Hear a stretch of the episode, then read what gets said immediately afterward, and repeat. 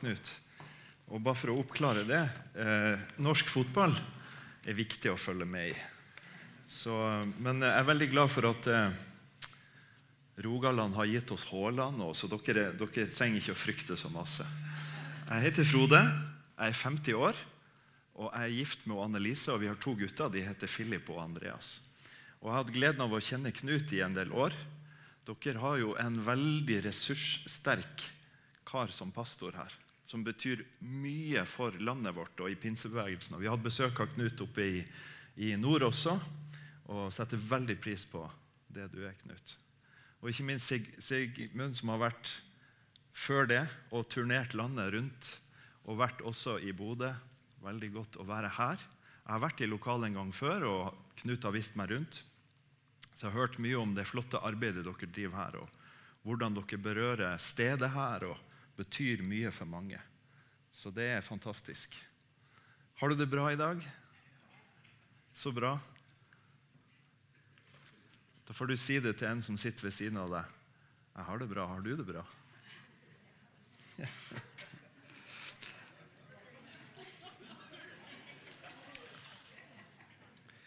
Jeg er pastor i Bykirka i Bodø, og vi har også en forsamling på Fauske. Vi slo oss sammen med Betania Fauske, og jeg tror Steinar Slåtten har vært her, kanskje? Ja. Og, og skal hilse fra Steinar. Eh, Steinar går det bra med. Han eh, underviser mye for tida, og sånn, så det er kjempebra. Eh, Jeg har gleda meg, og det gjør jeg alltid, til å dele Guds ord i lag med deg. Og Vi skal se på noen ting. Nå holdt jeg på å miste den pinnen som jeg skulle bruke. Eller fjernkontrollen. Takk skal du ha. Vi skal se på noen ting som, som eh, eh, jeg har bedt om skal både velsigne deg og hjelpe deg og hjelpe oss. Og Vi skal begynne med et vers som er veldig kjent i ordspråkene 4.23. Og Det kan hende noen av dere har det her på veggen hjemme. La oss lese det sammen. Bevar ditt hjerte, står det, framfor alt du bevarer, for livet utgår fra det. Det er jo et sånt lite vers med et stort innhold. Og Hvis vi får tak i hemmeligheten i det her, så vil det hjelpe oss. Jeg er fra Harstad, egentlig, eh, eh, oppe i Troms. Og bestefaren min han var fisker. Eh, bodde på ei lita øy utafor Harstad som heter Kjøtta. Og fortalte det at eh, på kaia der Han begynte ganske tidlig å fare på havet. Og på kaia der så sto det ei svær trantønne. Og med jevne mellomrom så gikk de bare og tok seg ei ause og drakk tran. Eh, og det, var, det gjorde de jo fordi de trodde det var sunt, og det er det jo. Så røkte de masse fordi de trodde det var bra, holdt varmen, liksom. Så, så, men akkurat det med tran traff de på. Er, er det noen her som tar tran? Hei, se der, ja. Jeg, jeg, skal innrømme at jeg tar ikke tran hver dag sånn, sånn flytende. Men nå skal jeg vise deg noen ting. Eh, dette er bare for å vise deg Ikke si ja til et, en måneds gratisabonnement på noen ting, for da fortsetter det å komme. Men her er altså Vitapro, og Vitapro det funker jo. ikke sant? Og hvis det funker for meg, så vil det funke med Vitapro for deg. En av bestanddelene her er omega-3, altså fiskeolje. Og det er de fleste enige om at er viktig for god hjertehelse. Det er litt sånn uenighet om det kan forhindre hjerte- og karsykdommer, men generelt god hjertehelse bidrar omega-3 til. Så eh, Nå skal du få vite litt mer om det. Omega-3 kan deles inn i kortkjedede og langkjedede omega-3-fettsyrer, hvor kortkjedede kommer fra planteriket og langkjedede fra marine kilder, f.eks. fisk. da. Omega-3 er essensielle fettsyrer som kroppen vår ikke klarer å danne selv. De er viktige for oss fordi forskning viser at omega-3 kan bidra til en normal hjertefunksjon. Hjernen vår trenger dem også for, å fungere optimalt. Og Derfor er det viktig at vi velger et kosthold som gir oss tilstrekkelig omega-3 gjennom maten vi spiser. Hilsen Møllerstrand. Og det de sier, er at hvis du spiser fisk jevnlig, så får du egentlig nok omega-3. Og da er jeg avslørt. Jeg spiser ikke nok fisk, så derfor må jeg ta tilskudd. Kanskje har det med oppveksten å gjøre. Vi spiste fisk tre-fire ganger i uka. Og det var alle typer fisk. Spiste dere mye fisk her nede? Nei, se der, ja. Ok. Ja, ja. Sånn er det. Buknafisk og stekt fisk og kokt fisk og alt mulig. Men hvis man spiser nok fisk, så får du det du trenger. Eh, er det noen som lurer på hvorfor det heter omega-3? Jeg er snart ferdig med denne kjemiske biten. Nå skal du lytte godt, du som satt og tenkte på det. Omega-3, hvorfor heter det egentlig det? Jo, fordi omega-3 har en dobbeltbinding, tre ledd fra enden av fettsyrekjeden. Skrev du ned det, så vet du det. Nå er det ikke omega-3 jeg skal snakke om i dag, fiskeolje. Men vi forstår ut ifra det verset her at hjertet vårt er viktig. Og hvis livet er ganske voldsomt, utgår fra det, så er det viktig at vi bevarer hjertet. Og Vi skjønner også at det ikke først og fremst blodpumpa, men det er vårt indre menneske som Salomo snakker om her. sånn. Og jeg tenker litt sånn, Kan det være at Gud har noen sånne åndelige fettsyre som sørger for god hjertehelse? Kan det være at han som har skapt oss, designa oss, han som kalles for alfa og omega, at han har noen sånne tilskudd som sørger for god hjertehelse. Jeg har lyst, og Du får det til i meg, jeg er blitt 50 år og med litt sånn dad jokes og litt sånn cheesy humor. Det tåler du. Jeg ser at det er flere på min alder her, så det går veldig bra. Men jeg har lyst til å, å tale for deg i dag om alfa og omega-3. Går det bra? Går det bra? Nei, det gikk ikke bra. Ok. Guds ord forklarer oss, og nå vil jeg at du skal følge godt med, og du har kanskje hørt det her, garantert har du hørt det her sånn, at hjertet vårt er sentrum for troen vår. Det er hjertets tro og ikke generell intellektuell overbevisning Bibelen snakker om. Knut nevnte at troen kommer av forkynnelsen. Og Jeg vil at du skal se sammen med meg i Romerbrevet kjapt et par vers her. I Romerne 10, vers 9 så står det at dersom du med din munn bekjenner at Jesus er Herre, og i ditt hjerte tror at Gud oppreiste ham fra de døde, da skal du bli frelst. Med andre ord, hvis du har en tro her inne, så er det kjempebra. Men det er i det øyeblikket du setter ord på den, at du blir frelst. Det er nesten skummelt at det er så enkelt og likevel så vanskelig å bli frelst. Fordi mange har en overbevisning om et eller annet, men idet vi konkretiserer det og sier 'Jesus, du er Herre', jeg tror at du sto opp ifra de døde, og jeg tror du gjorde det for meg, det er da jeg blir frelst. Så står det i Romerne, som Knut har sitert allerede, at troen kommer av forkynnelsen som en hører, og forkynnelsen som en hører, kommer ved Kristi ord. Med andre ord det som kommer herifra, det kommer først inn her. ikke det interessant? Troen kommer av det jeg hører. Hjertets tro kommer av det jeg hører.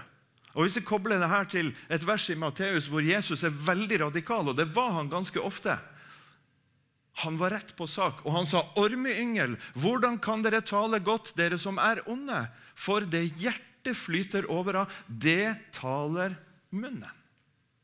Har du vært på øre-nese-hals-avdelinga? Mange har gjort det. Du vet at det er medisinsk en sterk sammenheng mellom øre, nese og hals. I Guds rike så er det en sammenheng mellom øre, hjerte og munn. Og Det skal vi bare merke oss, og det gjør at hjertehelsa vår blir enda viktigere. For her kommer ordene våre fra. Det som fyller hjertet vårt, og det er ikke så vanskelig, det er bare å være rundt hverandre noen minutter, så hører vi veldig fort f.eks. om du er kjempeinteressert i fotball eller andre ting. Sant? Det hjertet er fullt av, det kommer ut. Hva kommer ut av deg? Jo, det er det du har hørt. Det er det du har talt. Det er det som har blitt en del av deg. Bevar ditt hjerte framfor alt du bevarer. Og Jeg har lyst til å ta deg med inn i tre ingredienser som alfa og omega-3 har, og som er dokumenterbart god for hjertehelsa. Alle begynner på T, så du skal huske det. Kanskje fordi vi har snakka litt om tran. Den første bestanddelen som vi skal se på, det er Ja, der kom det. Det er takknemlighet. Takknemlighet. Jeg har en del bibelvers i dag, men jeg har dem på veggen, så du kan bare følge med, så får du det med deg. Og Det er en grunn til det. og Kolosserne 3, 16 sier La Kristi ord bo rikelig iblant dere, så dere lærer og formaner hverandre i all visdom med salmer og lovsanger og åndelige viser, og synger med takknemlighet i deres hjerter for Gud. Det var jo herlig. Hva het hun her jenta som rappa? Det var jo fantastisk. Nydelig. Hva er hemmeligheten til å kunne synge inspirert lovsang? Synge sanger som lærer hverandre? Det er at Guds ord bor rikelig blant oss. Da kan vi synge og spille for Gud i vårt hjerte. For det hjertet er fylt av, det er det munnen synger.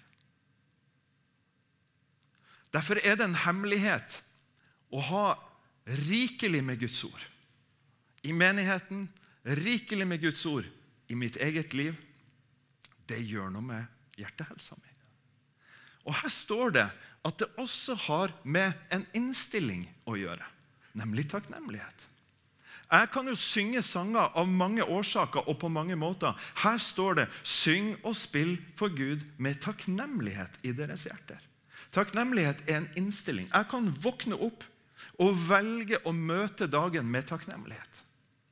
Jeg kan våkne opp og så kan jeg velge å fokusere på alt det negative, eller jeg kan fokusere på det positive.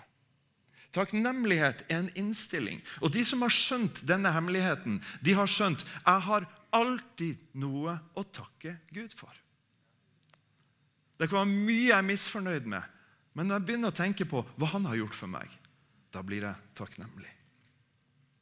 Takknemlighet har ofte fokus på det Gud har gjort. Når vi ser oss tilbake, så kan vi si Wow, Gud, du har virkelig vært trofast. Takk skal du ha. Og Så fins det en annen dimensjon med takknemlighet. Basert på det jeg har erfart med Gud så langt, så kan jeg også møte framtida med den samme innstillinga. Når jeg ber i tro til Gud, så kan jeg koble det til takknemlighet. Fordi jeg forventer at han som har hjulpet meg før, han kommer til å gjøre det igjen. Derfor kan bønnelivet vårt i stor grad handle om takknemlighet. Og nå skal jeg ikke snakke så veldig mye om takknemlighet, men legg merke til at takknemlighet sitter i hjertet. Vi synger og spiller for Gud i våre hjerter med takknemlighet. Takknemlighet er også en ingrediens. Og I Filippebrevet så får vi en hemmelighet. Og jeg elsker denne hemmeligheten her sånn. Dette er jo favorittversene til mange. Men hvis vi begynner å gå ordentlig inn i hva det står her, og hva det handler om, så kjenner vi at Gud gir oss noen nøkler her i møte med vanskeligheter. Og Her står det at vi ikke skal være bekymra for noen. Og det høres jo veldig lettvint ut å bare si det. Jeg er så glad for at Gud ikke bare sier 'slutt med det der', men han gir oss et bedre alternativ. Alltid. Alltid.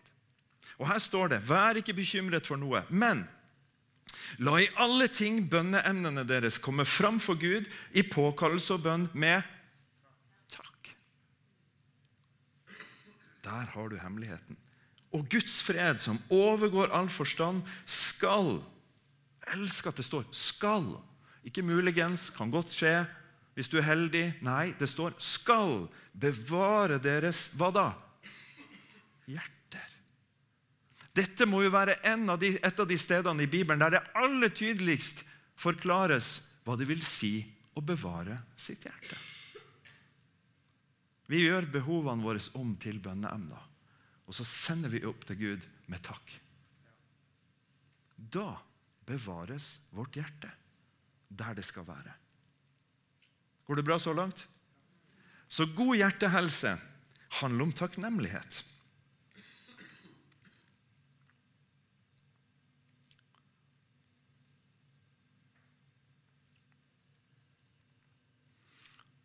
skal du få et tips. Jeg hørte ei dame som sa sånn her. Det neste året nå er vi jo snart ved årsskiftet, det neste året så skal jeg hver dag skrive ned to til tre ting som jeg er takknemlig for. Og I løpet av et år så blir det Tusen takk. Så den er fin? Kanskje det er noe du skal gjøre i året som kommer. Og kjenne at hjertet ditt styrkes. Fordi du synger lovsanger til Gud av takknemlighet i hjertet ditt. Og kanskje det gjør noe med bønnelivet ditt og de vanskelighetene du står i. Fordi når du pakker de inn i takk, så skjer det noen ting. Har du hørt denne sangen? For vi tenner våre lykter når det mørkner, og når alle bønner takk pakkes inn i takk. Vi lager en egen versjon på det. Det andre som gir god hjertehelse, det er tilgivelse. Og Dette er kanskje det vanskeligste punktet som jeg vil dele med deg i dag. For tilgivelse vet vi alle at det er viktig. Og Alle som har opplevd å ta imot tilgivelse, og det håper du har opplevd, kjenner hvor godt det er, og hva det gjør med meg, hva det gjør med meg mentalt. Og det gjør også noe med hjertet mitt. Jeg tror at ingenting dreper hjertets liv og hjertets tro så mye som utilgivelse. Altså det at jeg ikke vil tilgi. Jeg tror at eh, du kan ha 100% rett i skyldspørsmål, men du kan ha feil holdning. Du kan ha helt rett i at det vedkommende gjorde mot deg, det var helt feil. Men hjertet ditt kan lide fortsatt. Fordi du velger å ikke tilgi. Og Vær med meg nå. Vi skal komme til et godt sted her. sånn. Men jeg tror at tilgivelse er som Plumbo. Med jevne mellomrom hjemme på badet så, så går vasken liksom, du, du, merker at vannet det dreneres ikke så lett. Og Da går jeg i skapet og henter Plumbo. Slår noen gram med Plumbo oppi der og en halv liter med kokende vann. Og så begynner det med en gang å skje noe. Jeg skynder meg ut etter å ha lukka opp vinduet, og så får det stå og virke. Og så tømmer jeg noen liter varmt vann over det, og så er kanalen åpen igjen. Jeg tror tilgivelse er som Plumbo i vårt liv. Tilgivelse er en nøkkel for å bevare ditt og mitt hjerte. Hebreerne 12 sier i vers 15.: Se til at ikke noen forspiller Guds nåde. Tenk at det går an. Er du glad for Guds nåde? Har du smakt Guds nåde? Har du fått tatt imot Guds nåde, så vet du wow! Ufortjent får jeg komme til deg, Gud. Og så står det her at du kan forspille den. Du vet, Hvis du går med et fullt glass med Pepsi Max La oss bare ta noe ut av løse lufta. jeg vet at pastorparet her er de er forkjempere for Pepsi Max. Du går sant? og du, du, gleder deg til å sette deg ned og se på Bodø-Glimt og drikke Pepsi Max. Og så snubler du. Og så forspiller du alt. Og det var det siste. Og du skal ikke til Sverige før om tre uker. Hva gjør vi da, liksom? Du har forspilt det du har fått. Se til, står det, at du ikke gjør det. La ingen bitter rot få vokse opp og volde skade, så mange blir smittet av det. Du skjønner, Utilgivelse, bitterhet, det blir noe hardt i livet vårt, og det er smittsomt. Og Hvis du er rundt bitre mennesker, så er det veldig lett å bli smitta av det. Og Bitterhet gjør noen ting med hjertet. Det forherder hjertet vårt. Utilgivelse henger sammen med bitterhet. Det blir en rot til noe negativt i livet mitt. Se i Salme 130, denne fantastiske beskrivelsen av Gud. Her står det Dersom du, Herre, vil gjemme på misgjerninger, hvem kan da bli stående? Se på det uttrykket 'å gjemme på misgjerninger'. Så kan jeg komme med en påstand. Hvis noen kunne gjemme på misgjerningen, hvis noen kunne lage et album med alt det gale jeg og du har gjort, så var det Gud. Han som er hellig, rettferdig, og ingen kan komme nær han i utgangspunktet. Han kunne hatt et kartotek der han liksom med jevne mellomrom tok, fram og, og repeterte for seg sjøl. Ja, husker når han gjorde det her? Husker når han sa det her? Husker godt det. Har du noen sånne fotoalbum i livet ditt som du tar fram med jevne mellomrom? Ha, Tenk at hun gjorde det. Skal aldri tilgi. Jeg kjenner noen sånne folk som kan si sånne ting. Vet du hva? Det gjør noe med hjertet. Det vokser det opp en bitter rot. Så jeg er glad for at ikke Gud er sånn. Her står det Men hos deg er det motsatte. Altså tilgivelsen. For at vi skal frykte deg.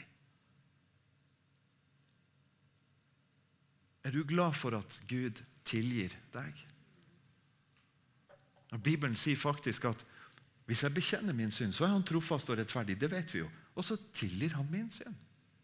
Altså, det er ikke liksom en forhandling, det er ikke en rettssak. Det, det, står da at når jeg bekjenner den, så tilgir han det. Sånn er Gud. Ja, jeg er ikke Gud, sier du. Nei, det vet vi. Ikke jeg heller. Takk og lov. Det er bare han som er Gud. Men vet du at vi kan lære oss av måten han opererer på? Vi kan holde fast på misgjerningen eller vi kan velge å tilgi. Et av de sterkeste eksemplene jeg har hørt egentlig på det her, det kjenner jo dere veldig godt til. Vi har jo vært i helga og, og hatt en sånn læringsfellesskap i det som er blitt kjent for Nokas-menigheten. ikke sant? Fordi at rettssaken fant sted der, i kristen tjeneste. Og Jeg leste en artikkel med han Klungland. Denne mannen, Arne Klungland, som ble skutt. Eh, og Schumann som avfyrte skuddet som nok ikke sikta på han, men han ble truffet i hodet og døde. Arne var en troende. I her i menigheten! Tøyser du med meg? Wow. Det visste ikke jeg. Jeg har bare lest hva sønnen han, er sønnen her òg, Kjetil. Hva sønnen hans har sagt. Da blir det her veldig overflødig. Men jeg leser allikevel det lille utdraget jeg hadde tenkt å lese. God bless you. Har du tilgitt Kjell Alrich Schumann? Tilgivelse betyr for meg å sikre min egen livskvalitet, sier han Kjetil. Jeg tenker at hvis jeg tilgir, så er det min egen livskvalitet jeg sikrer. Jeg kjenner på meg selv at jeg har et veldig godt liv i dag og jeg er veldig takknemlig for det. Jeg tror at tilgivelsen har mye med det å gjøre, sier Kjetil Klungland. Han fortsetter. Så tenker mange, inkludert meg selv, at hvis jeg tilgir, glemmer vi det den personen har gjort mot oss. Sier vi at det er greit, det personen har gjort mot oss? Det opplever jeg ikke, sier han, og understreker at å tilgi er noe som han gjør for sin egen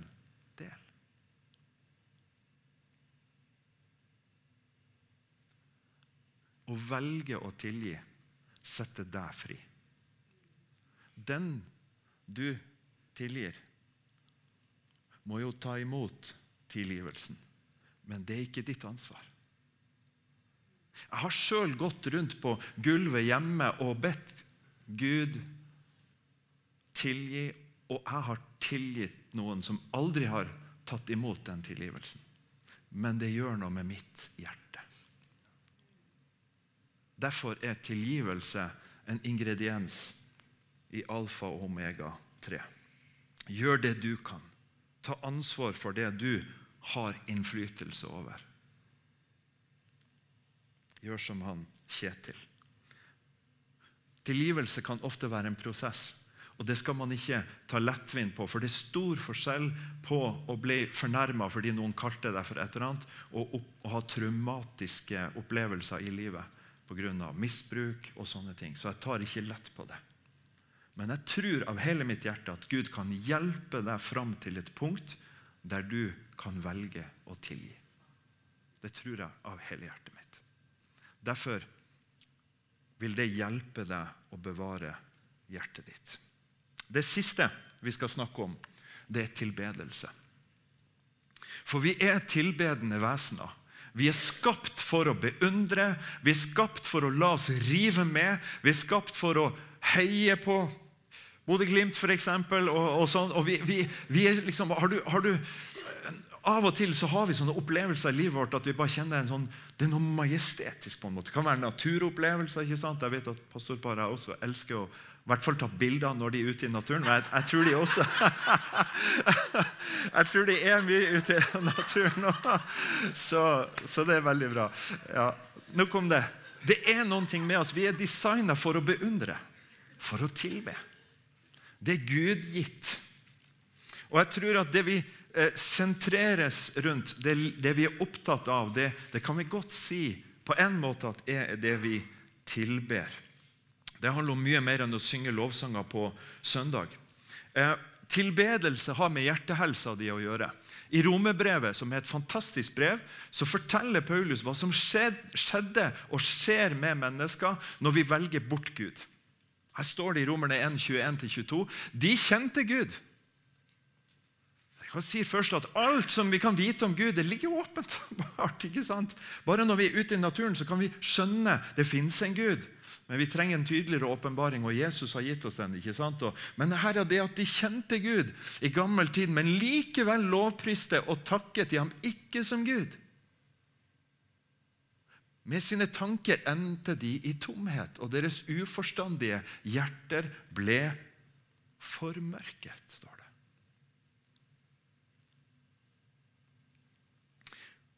De påsto at de var kloke, men de endte i dårskap. I dag er det veldig mange som påstår at de er kloke.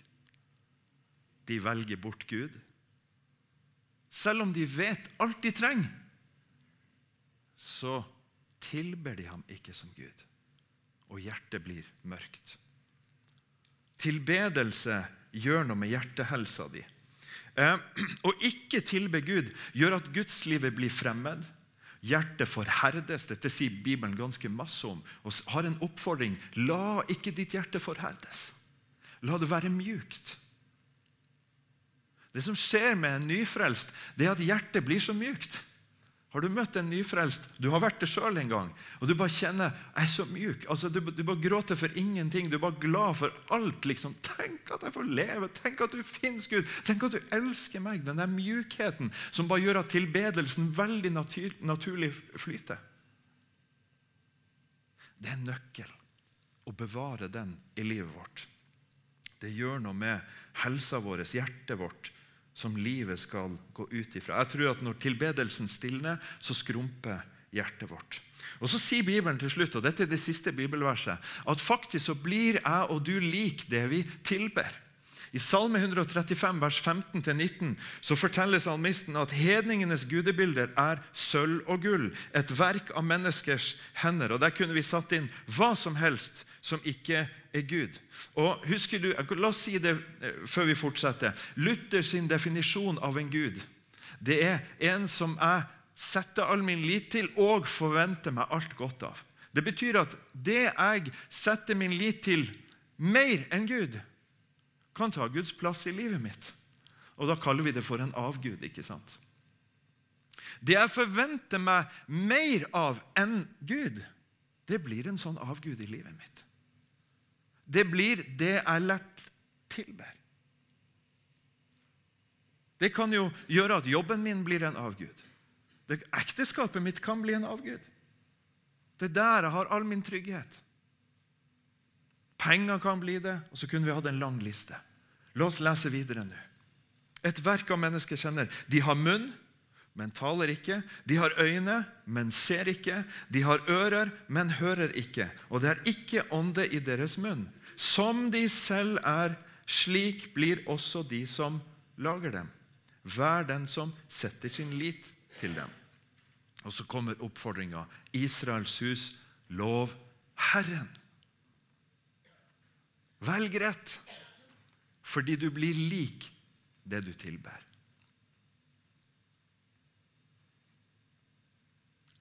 Når jeg og du tilber Gud, så sier vi basically til han Kom og ta din plass på tronen i mitt hjerte. Og Bibelen snakker om å hellige Jesus som Herre i sitt hjerte. Det du tilber, gjør noe med hjertet ditt. Så hvis jeg og du tar de her tre ingrediensene, hvis vi tar alfa og omega-3 Ikke bare Vita Pro men Guds kosttilskudd. Ved å velge å takke, ved å velge å tilgi og ved å velge å tilbe Han, så tror jeg at hjertet vårt bevares sunt og sterkt. Da vil også det som går ut ifra det, være sunt og sterkt og livgivende. Herre, vi takker deg for ditt ord. Vi takker deg for de mulighetene du har lagt framfor oss.